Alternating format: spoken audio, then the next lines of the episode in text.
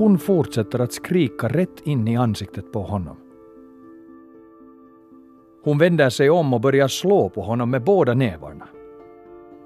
Och om han griper med handen om sabelklingan, då är det fortfarande utan minsta tanke på att använda den.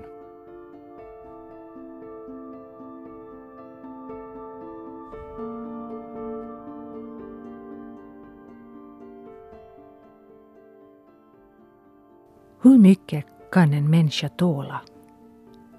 Hur mycket förnedring, hån, skam och traumatiska upplevelser tål man innan det brister?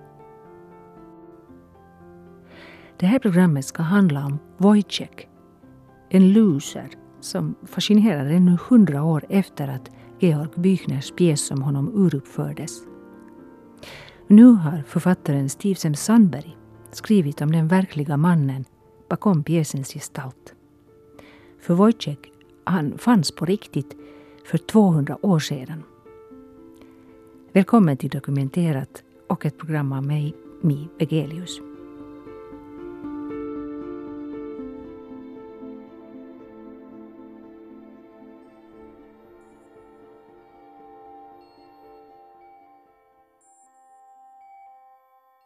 Wojciech en fattig, obildad, hånad, förvirrad, dödsdömd man som levde för 200 år sedan. Hur kan han vara intressant fortfarande idag?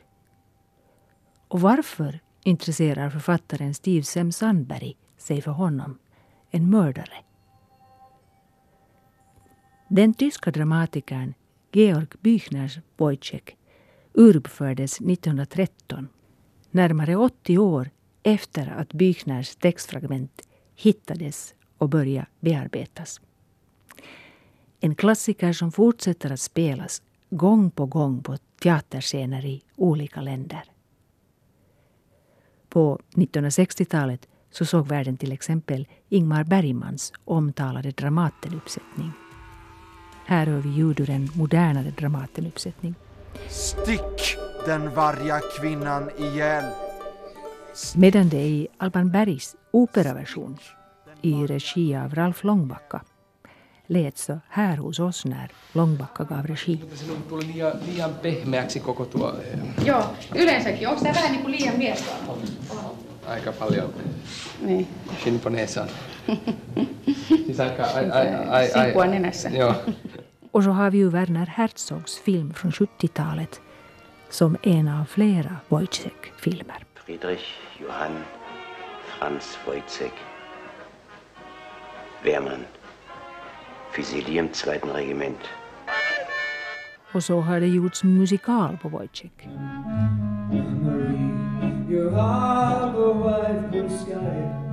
Och i Helsingfors hade vi Teater Virus högst nutidskritiska föreställning 2012. Wojciech är inte bara en patetisk anekdot, ett komiskt särfall. Wojciech är det första berömda skådespelet där kritikens objekt samtidigt är följande. Och så vidare. Och så vidare. Så Wojciech har ju på sitt sätt de facto förblivit samtida.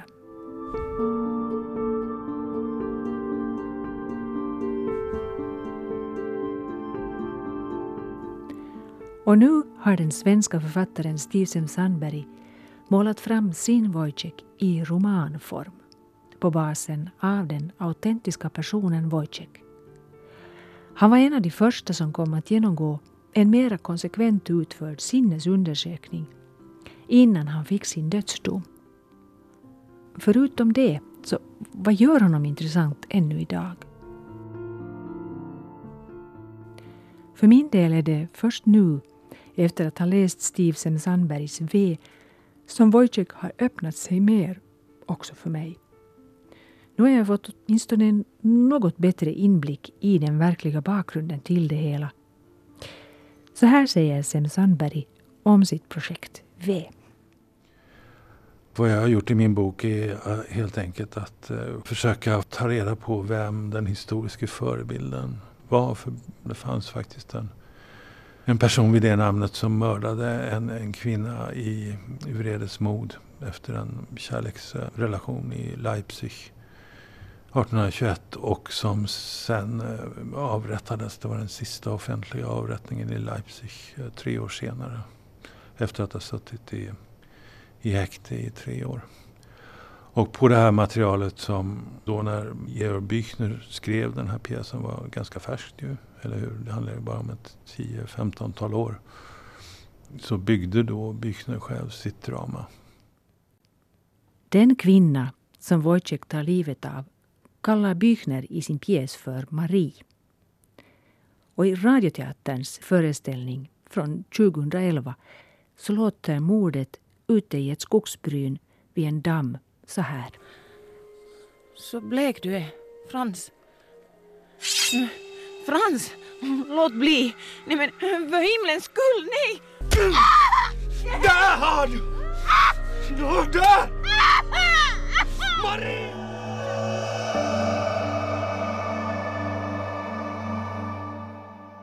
I romanen V formulerar sen Sandberg det Wojciech gör så här där han går och letar efter och fantiserar om Johanna, som hon hette i verkligheten.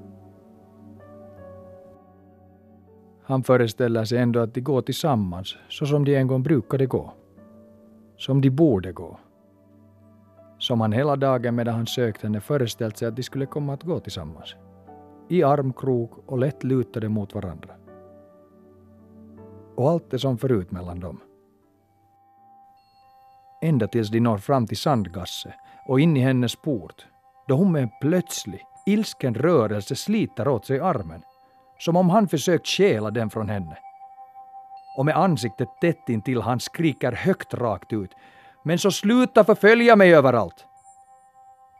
Då först påminner han henne om vad hon har sagt. Att hon lovat slå följe med honom till danspaviljongen och inte med böttcher. Han är lugn och sansad. Han höjer inte ens rösten. Men hon fortsätter att skrika rätt in i ansiktet på honom. Hon vänder sig om och börjar slå på honom med båda nävarna. Och om han griper med handen om sabelklingan då är det fortfarande utan minsta tanke på att använda den. Han vill bara stilla henne. Men hon fortsätter att slå, hårt nu, i ansiktet dessutom och gör samtidigt min av att tillkalla någon av dem som stannar på gatan, som för att få någon att undsätta henne. Han som aldrig velat henne något ont. Och då är det som om han inte förmår hejda sig längre. Han fattar hårdare om fästet och vrider klingan rätt uppåt. Och när hon lutar sig in mot honom, som för att bättre ta stöd mot hans båda axlar, för han den in i en kraftig stöt rakt uppåt. Och om han sedan fortsätter att stöta då är det bara för att få klingan fri och skjuta henne ifrån sig.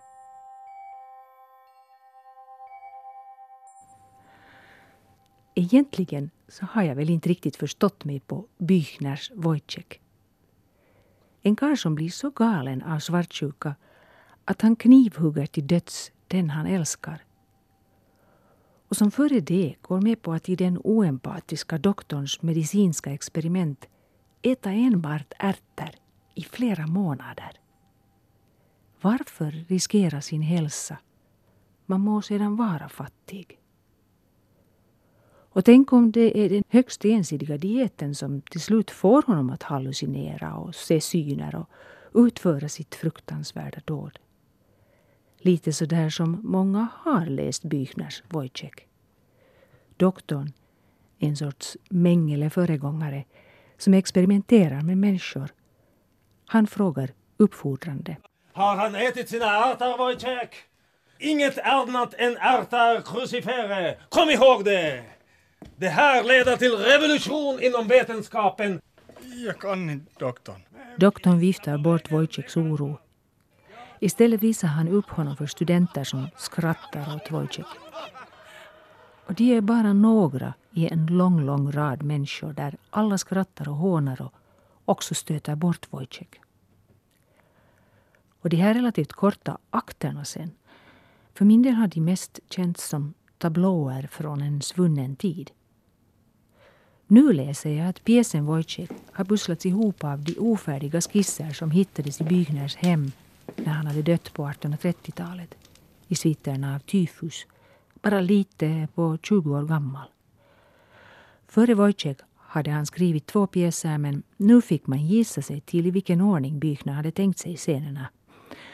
Och dessutom, som pricken över i, tänker jag, med en tamburmajor med i persongalleriet.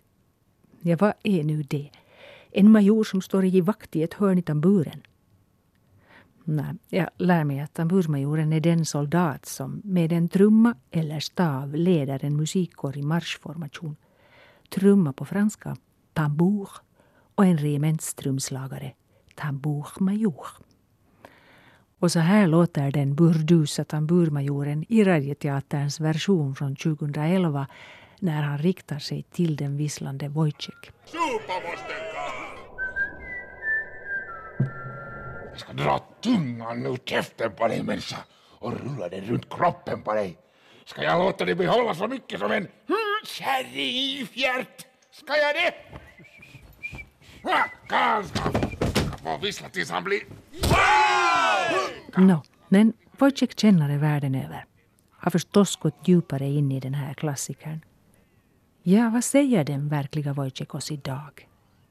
För att hitta sitt svar på det bodde Stevsen Sandberg i många år i Wien, närmare källmaterialet, innan han flyttade tillbaka till Stockholm igen. Orsaken till att det existerar rätt mycket fakta om Johann Christian Wojciech och hans liv är bland annat de handlingar som finns kvar från hans uppmärksammade rättsfall. Det var ett rättsfall som alltså pågick i tre år efter att Wojciech hade dödat sin käresta, änkan Johanna Christiana Wust. Wojciech hörde till en fattig perukmakarsläkt i Leipzig. Hans far var en kunnig hantverkare i sitt skrå, men och det var ju ett extremt eh, klassamhälle, det fattar man ju väldigt snart. Men kom på obestånd i det ögonblick då perukmakeriet kanske inte var lika efterfrågat som det var under 1700-talet. Sonen kom väldigt tidigt bort från familjen. Det gällde tror jag alla barn på den tiden. Och um, fick hanka sig fram bäst han kunde eh, som frisör, som betjänt, som allmän hantlangare, som hjälpreda, som allt möjligt lite där enklare påhugg och jobb som man kunde skaffa sig. Snuttjobb skulle vi kanske kalla det idag. Åtminstone ströjobb. I Byrners pjäs är Wojciechs professionella identitet kanske mycket av soldatens.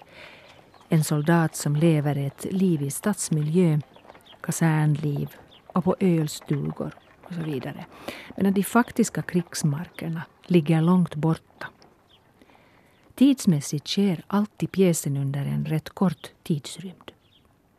Medan vi i Stevenson Sandbergs skildring V följer Wojciech i tiotals år före det desperata slutet.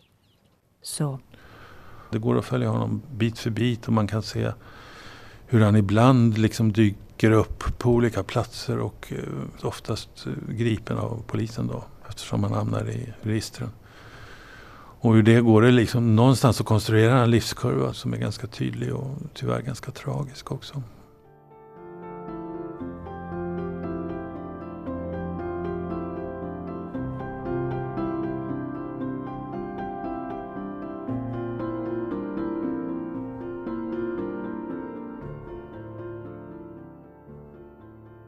Ja, ramberättelsen i Stefan Sandbergs V är de möten som främst den rättslärde hovrådet Clarus hade med den verkliga Wojciech under hans många år i häkte.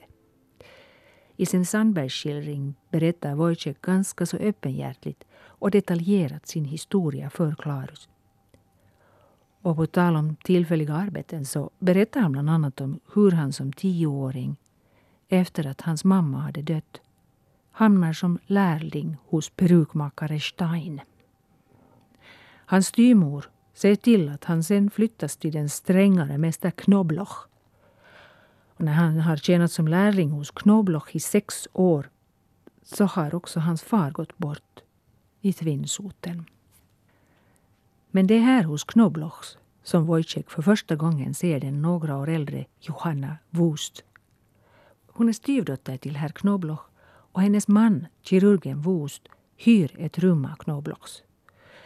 Det är när Wojciech är med om att ta huvudmåtten på en ny kund som han får syn på henne. I dörren till rakstugan med blicken intensivt fäst vid hans. Han har fina händer, Wojciech, säger hon. Som ett barns händer. Eller en ung flickas. Det är de första ord hon riktar till honom enbart. Och från och med den stunden är även hans händer som förvandlade. När han drar öglan genom maskorna i tyllen är det hennes hår han trär på öglan. Men så kommer förnedringen.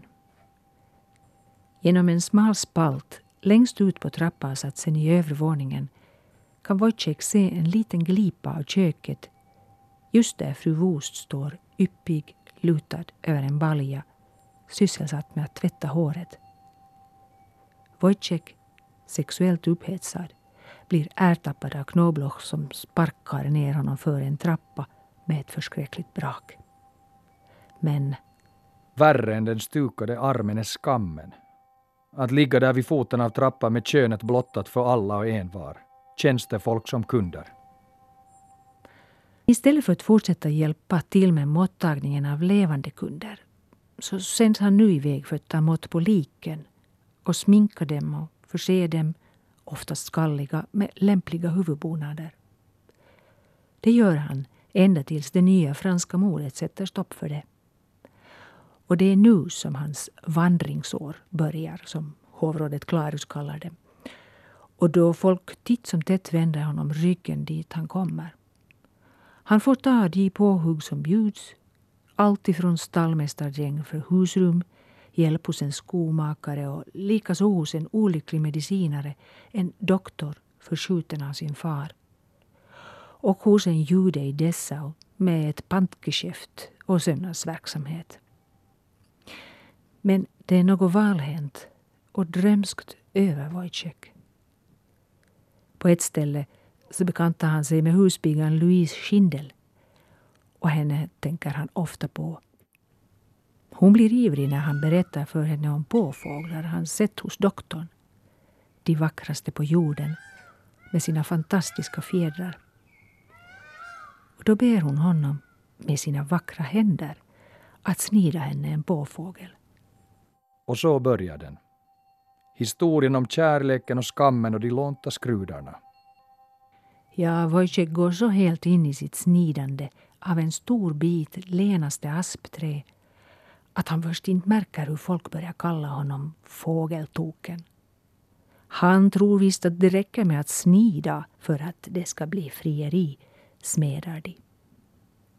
Unga fröken Schindel skrattar om hon blir tillfrågad om uppvaktningen. Men det är som om hennes leende plötsligt blivit tunt och skört som glas. Och när han slutligen kommer till Louise Schindel med en påfågel som är som ett beläte, något som han själv inte alls ser, så då känner hon ju sig kränkt. Och hennes styvfar börjar knuffa och slå Wojcik för att han, som han säger, springer och gör hederligt folk till åtlöje. Men Wojcik, han fortsätter att drömma och på sitt ofta makalöst vackra språk uttrycker Sem Sandberg det så här. Han önskar att världen vore som ett skåp och att han själv finge bestämma hur allt skulle vara skapat där inuti. En säng skulle han ha i det, tänker han. Ett bord och två stolar. En för honom och en för henne. En videkorg full av drömmar. Louise ansikte bakom en skärm av löv. Leendet som slår upp ur detta ansikte som en fågel slår upp ur grönskan och som sedan sprider sig över hela himlen. Det är efter det här som Wojciechs anknytning till Norden träder in. Och jag inser att det också är hans möda och svett som vårt Norden är byggt av. Det är nu han blir soldat och kommer både till Sveriges huvudstad och till Åland eftersom den enda liksom säkra utkomsten på den här tiden var ju att på något sätt eh, enrollera sig själv i det militära. Att bli, bli soldat helt enkelt. För att det var en period av mm, stora omskakningar i Europa på den tiden och krig överallt.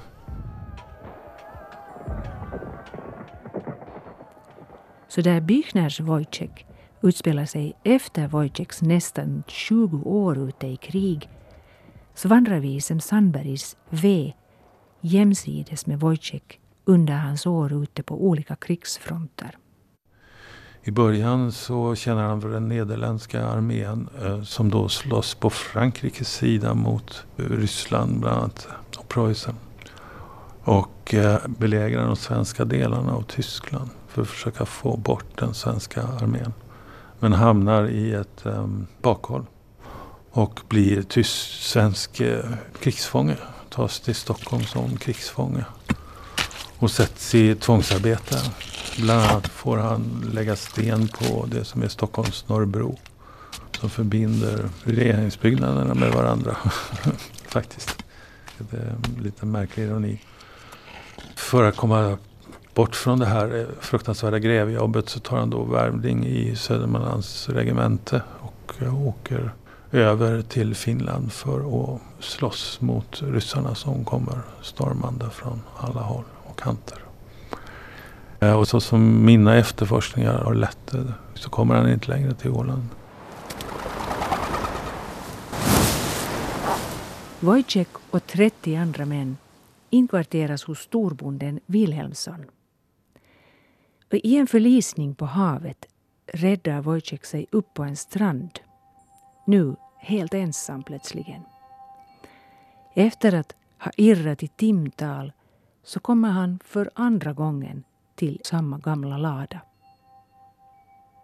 Han stirrar på den tomma ladan. Efter ett tag slår lågor ut från stensockeln och slickar sig upp längs de vita träväggarna. När ladan är helt övertänd börjar den långsamt levitera. Den stiger som en brinnande båt mot en himmel som upphört att röra sig och återgått till att vara bara mörker. När man hittar Wojciech efter tre dagar har han köldsår i ansiktet och på underarmarna och munnen är sönderriven efter all bark och granbarr han har försökt äta. För alla som sedan på sjukstugan i Ödkarby vill höra på så berättar han om sin märkliga syn, ladan som brann och steg upp mot himlen. Men sen, ehm, sen så är han tillbaka igen på fastlands-Europa och ehm, där hittar man spår av honom långt in i Ryssland faktiskt. Bland annat som ansvarig för ett kompani med slädar som för ut ehm, resterna av den napoleanska arméns material över isarna ut, ut i säkerhet tillbaka till Polen igen när Napoleon är på återtåg från Ryssland. Så att han är helt säkert med om en del. Däremot är inte jag så helt säker på att han såg så förskräckligt mycket direkta stridigheter. Han var inte den typen av soldat riktigt. Vilken typ då? Ja, han tjänade i den Mecklenburgska armén vid den här tiden och de kom inte i kontakt med striderna på det sättet. Om mina källor är det korrekta, det vet man inte. Det här är ju väldigt lång tid tillbaka så man måste ägna sig åt ganska mycket spekulation för att sy ihop den här historien på ett, på ett trovärdigt sätt. Men, men det är ju inte detaljerna som är så förskräckligt viktiga här utan kanske snarare ödet och vad de här erfarenheterna som man måste ha genomlidit gör, gör med honom helt enkelt som människa. I Steve Sem Sandbergs bok V är det någonstans här det nu börjar bli verkligt tungt att vandra vid Wojciechs sida ute i krigsmarkerna där han blir en stum åskådare till dåd som det här. Kapten Wirt. Han går fram till prästen där han hänger i kedjorna och griper tag om hans nedsölade huvud. Håll fast honom, säger han och börjar sedan med omsorgsfulla, närmast pedantiska rörelser som om han ägnade sig åt något fint sömnadsarbete. Karva ögonen ur prästens ögonhålor med kniven. prästens skrik får nästan kyrkoväggarna att rämna, så kvävs det i ett tjockt gurglande.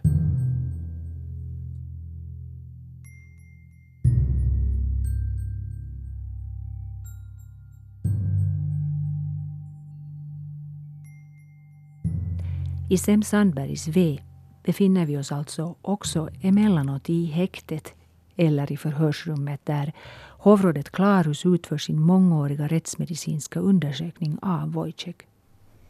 Ja, en rättspsykiatrisk undersökning skulle man nästan kunna säga för att det är en, en av de första gångerna där detta faktiskt praktiseras på något eh, konsekvent sätt. Alltså, det är så många tecken som tyder på att han eh, att han inte är från sina sinnesfulla bruk. Orsaken till att rättegången tog så många år så hade att göra med att fallet togs till omprövning. För det hela ledde till en häftig debatt om i vilken mån en gärningsman är skyldig till brott om han förklaras ha varit mentalt sjuk när brottet begicks. Eller otillräknelig, som det också kallas. Om man läser förhörsprotokollen så framgår det hela tiden att Wojciech ser och hör saker som inte finns i verkligheten. Han hör röster som viskar. Det är din tid nu. Det är dags för dig att träda in och göra olika saker. Demoner uppstiger och nedstiger över himlen i banor som liknar planeternas. Mig har det hänt flera gånger att hela jorden tycks uppfylld av dessa sfärernas krig. Och även fast jag hållit för båda öronen har de inte dämpats. Röster som uppmanar honom till att göra, göra olika handlingar. Och det här tror jag människor som kan någonting om psykiatri och medicin kan uttyda mycket bättre än vad jag kan. Men det är ju helt uppenbart att han lider svårt av hallucinationer, både alltså visuella och hörsel Hallucinationer och förskräckliga tvångshandlingar som man måste göra liksom repetitivt. Så. Men allt det här är belagt så att säga därför att vittnen kan berätta att han har, att han har betett sig så här. Rösterna i honom så får mig att associera till alla i rättssalar idag som hänvisar till röster som sagt dem att göra saker. Jag tänker till exempel på mannen som i Gamla stan i Stockholm körde upp på trottoaren rätt på fotgängarna för att en röst inom honom hade uppmanat honom att göra det. Och Wojciech, som under kriget såg en havande kvinna bli uppskuren, han hör Så kom nu då. Din tid är inne. Om kvinnan med den öppnade buken säger han ingenting.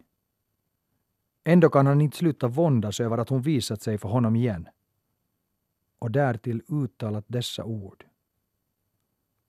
Varför skulle hon ha gjort det om hon inte var ett sändebud? Utsänd av en högre makt för att meddela honom att det är tid för honom att nedstiga till den plats i helvetet där ogärningsmän som han hör hemma. De som Gud förskjutit. Och att det är därför hon bär sitt ofödda barn i händerna. Det är tecknet till honom. Men likväl så går det inte att belägga då att själva handlingen, själva mordet är utfört i ett ögonblick av ett sånt här mm, anfall. Utan måste ha gjorts med, med viss mått av beräkning. Han måste ha anskaffat vapnen, det har tagit en viss tid. Han har använt en avbruten sabelklinga för detta. Denna sabelklinga måste ha ett fäste för att kunna gripa om med handen. Annars kan man inte använda den som ett mordvapen eller ett stickvapen.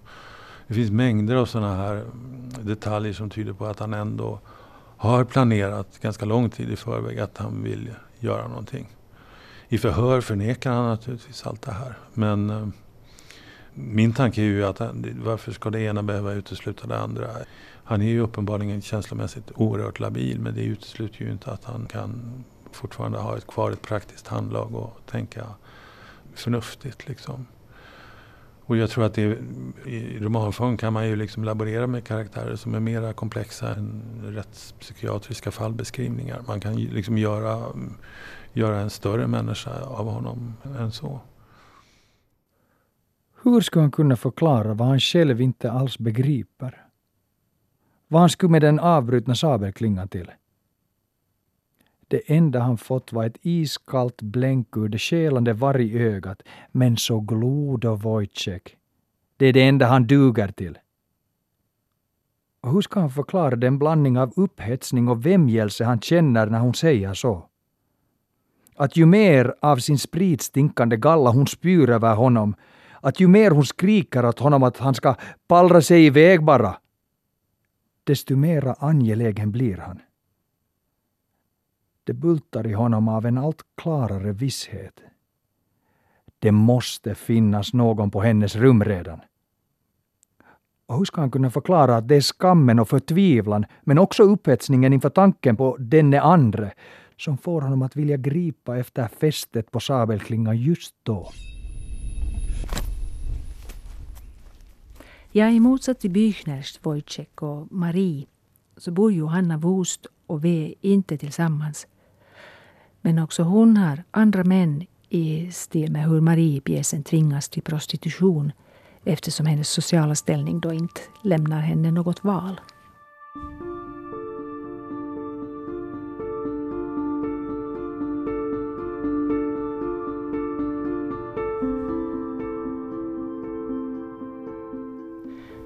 Finns liksom en klyvnad i honom, som ett sår.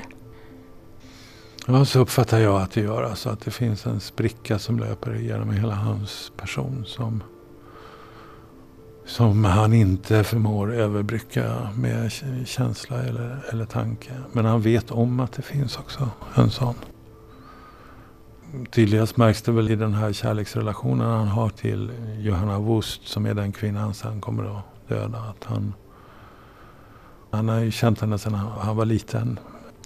Då var hon gift med någon annan men nu är hon änka efter den personen och alltså ledig så att säga. Eh, och han vet någonstans, för att uttrycka det enkelt, att det enda som fordras av honom det är att han tar ett enda steg över en djup eh, vallgrav och kommer över på hennes sida om, om livet så att säga. Han vet att det är det enda som fordras och att hon kanske någonstans också väntar på att han ska ta det steget.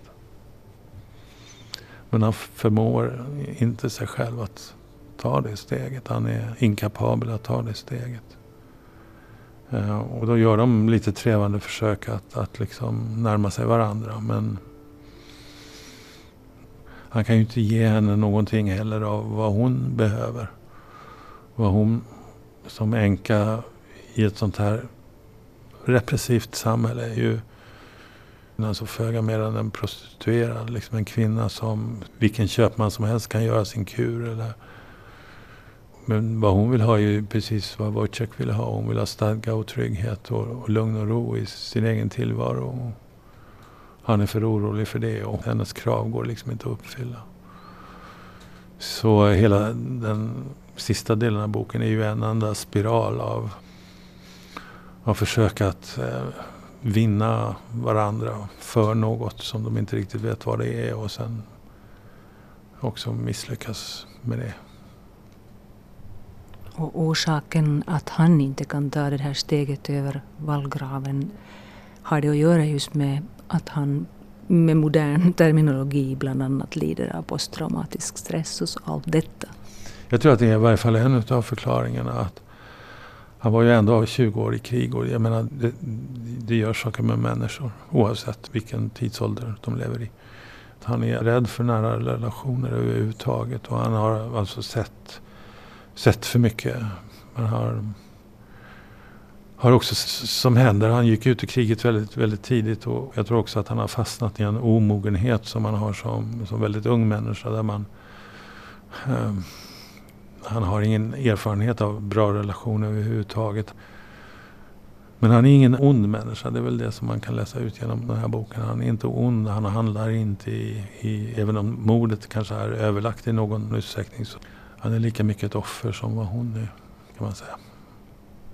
Och jag, jag, tycker ändå att den bild jag försöker ge av honom är, är av en människa som är på något tragiskt sätt som inte är hans eget fel utan som har med hela samhällets eh, strukturella uppbyggnad att göra. Det går liksom inte att förflytta sig ur sitt eget stånd. Man kan inte göra klassresor. Det går liksom inte. Man är hela tiden hänvisad till en viss typ av arbeten. Och, att det, det, är både resultatet av hans, liksom, så att säga, hur, hur, han är till sin konstitution men också av de här yttre omständigheterna som han lever under. Han blir sparkad på, han blir betraktad som en lägre stående människa. Men är samtidigt, tror jag, och det märker man också från de här vittnesförhören, en ganska känslig person. Det märker man när man, man läser de här protokollen, att han översätter allting till bilder. Han ser samband i naturen som andra människor inte skulle se. Liksom. Det är en väldigt känslig människa, får man känslan av. Någonstans. Och det gör ju alltihopa bara dubbelt tragiskt, eller hur? Och under de förhör, den undersökning Wojciech utsätts för, så till och med under den finns det nedlåtande, föraktfulla beteendet. Ni ombeds nu avkläda er er fångdräkt. Två män ur vakten kliver fram för att ta av honom kläderna. Han kryper instinktivt samman vid deras beröring. Det är den gamla instinkten som vaknar. Den som alltid drabbar honom när det är alltför mycket rörelse omkring honom och han fruktar slag eller reprimander. De står nu i en ring runt honom och han i mitten. Naken, skälvande, som ett djur. Några skrattar öppet. Andra står med blicken skamlöst fästa vid hans skrev mot vilket han pressat båda händerna. Åter andra ser bort som om åsynen av honom i all hans djuriska ömkedom blivit för överväldigande. Men svartsjukan då? Vilken roll spelar den här i Sen Sandbergs V? Hur mycket handlar det alltså om svartsjuka hos personen Wojciech, så som Büchners pjäs ju ofta lästs? Det här är ju intressant. Ibland händer det att jag får om den här boken frågor i stil med hur kan du leda bevis i eller har du ens överhuvudtaget reflekterat över att den här typen av handlingar egentligen är bara aggressivt våld mot kvinnor som förklätt sig till passionsmord. Eller som använder svepskälet passionsmord. Men, men det, det liksom antyder ju någonstans att det finns en, liksom en lustkomponent här som delas både av författaren till pjäsen och av av publiken som går och tittar på fjäsen att, att liksom, åh titta han, han blir från vettet av kärlek och då är det på något sätt legitimt och rätt att döda sin kvinna. Liksom. Och idag är det, är det den diskurs som förs idag liksom om mäns våld mot kvinnor som det brukar heta. Så är det ju naturligtvis väldigt frestande att, att läsa också den här berättelsen som ett exempel på sådant. Alltså jag värjer mig lite grann mot den läsningen. Jag tycker den är ganska den är reduktiv. Det förutsätter att det finns ett, ett latent liggande våld hos alla män för att begå mot alla kvinnor liksom i alla situationer, i alla tider och så. Men jag tror, jag tror att arbetar man så schematiskt med, med en förståelse av vad den här typen av övergrepp handlar om så tror jag man kommer kanske en bit. För det är ju definitivt ett patriarkalt samhälle, går ju inte att bestrida. Men ehm, men jag tror inte man kommer hela, hela vägen fram. I varje fall inte om man ska få med sig en djupare förståelse av, av vem en sån här karaktär som Wojciech förmodligen kan ha varit i verkliga livet. För att det är så mycket som spelar in här. Jag menar, förklätt till passionsmord är ungefär som att kärleken inte skulle finnas där. Men kärleken mellan dem fanns verkligen. Det är helt klart av hans reaktioner att han, han är alldeles förtvivlad över att han har dödat en människa som han tycker om. Men sen så finns det ju också så förskräckligt mycket annat som att han var hunsad och hela tiden liksom betraktad som en människa av en sämre sort. Så då kan man ju också med lika goda argument hävda att, att den här typen av um, brott blir en konsekvent följd av att samhället aldrig tillerkänner heller individen något egentligt ansvar för sina handlingar. Utan man, alltså de som tillhör de lägre sociala skikten de fråntas ju allt eh, också vett och förstånd. Och förhörsledaren Klarus säger till Wojciech, som om det vore ett sakförhållande, ni är ingenting annat än ett djur. Ni är ett lastdjur, ni är ett djur. Och det är klart att det, om man är en känslig människa så föder ju det en typ av antipati som kan få väldigt konstiga konsekvenser. Och sen är det ju också så att han, han är ju med om, om våld, svåra våldtäkter och övergrepp på civila i, i krig. Och, och, det är klart att det förskjuter ju den mentala gränsen för vad som är tillåtet och vad som är vad människor kan göra mot varandra. också hos en normal människa, en människa som inte lider av, av psykoser och vanföreställningar och så. Det skulle kunna hända vem som helst så att säga. Så att hela hans verklighetsuppfattning är ju någonstans rubbad. Men vad jag vill säga med det är ju att det, det förlåter ju eller ursäktar ingenting. Det finns ju inte en enda förklaring som jag försöker ge i min bok som i att försöka frikänna honom eller frånta honom sitt, sitt ansvar. Han har gjort vad han har gjort och konsekvenserna blev ju de som de, de blev för honom också. Han ser att det är en lucka under stolen. Är det verkligen ämnat att han ska falla genom den? Samma fasta händer som hjälpt honom att sätta sig snör av honom halsduken och slår en bindel för hans ögon. Bakom bindeln stirrar hans nakna ögon rakt upp i himlen. Det är alldeles klart där uppe. Ett isande klart kallt ljus som han inte känner igen. Inuti det ljuset kretsar fåglarna i allt snävare cirklar. Herre, hjälp mig! De störtar.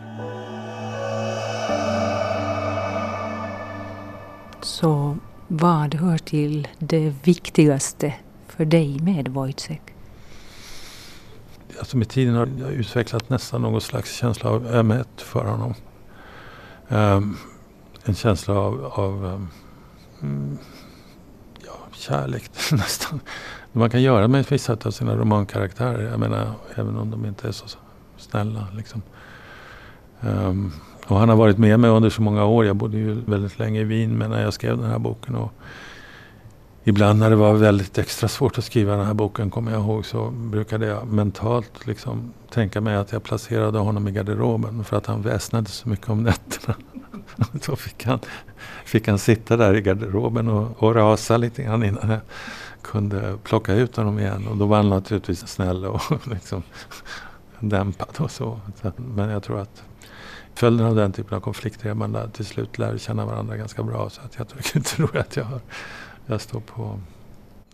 Människor är sällan en enda egenskap förkroppsligad. utan människor är motsägelsefulla och, och gör ibland saker mot sin egen vilja och mot sina egna bättre intentioner. Och det kan ju få hiskeliga och fasliga konsekvenser på många sätt.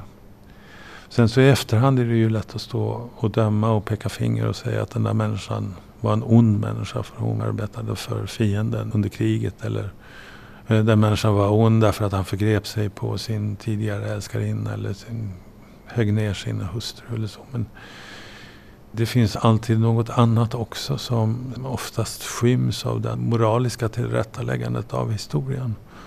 Men i, i stunden kan det vara mycket svårt att fatta den typen av beslut. Har du kunnat känna den rädsla för att ditt sätt att se på världen också kan vara fullständigt skev? Ja, det, det tänker jag på hela tiden.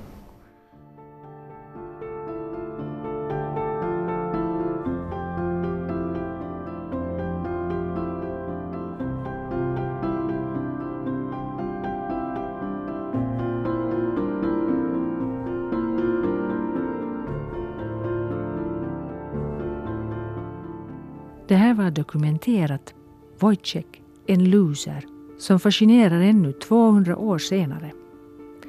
Ett program med författaren Stevesen Sandberg som skrivit om den verkliga mannen bakom det klassiska skådespelets gestalt.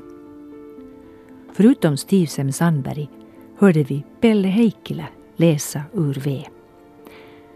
Ljudarbetet gjordes av Staffan Sundqvist Producent för programmet var Staffan von Martens. Redaktör jag, Mi Vegelius.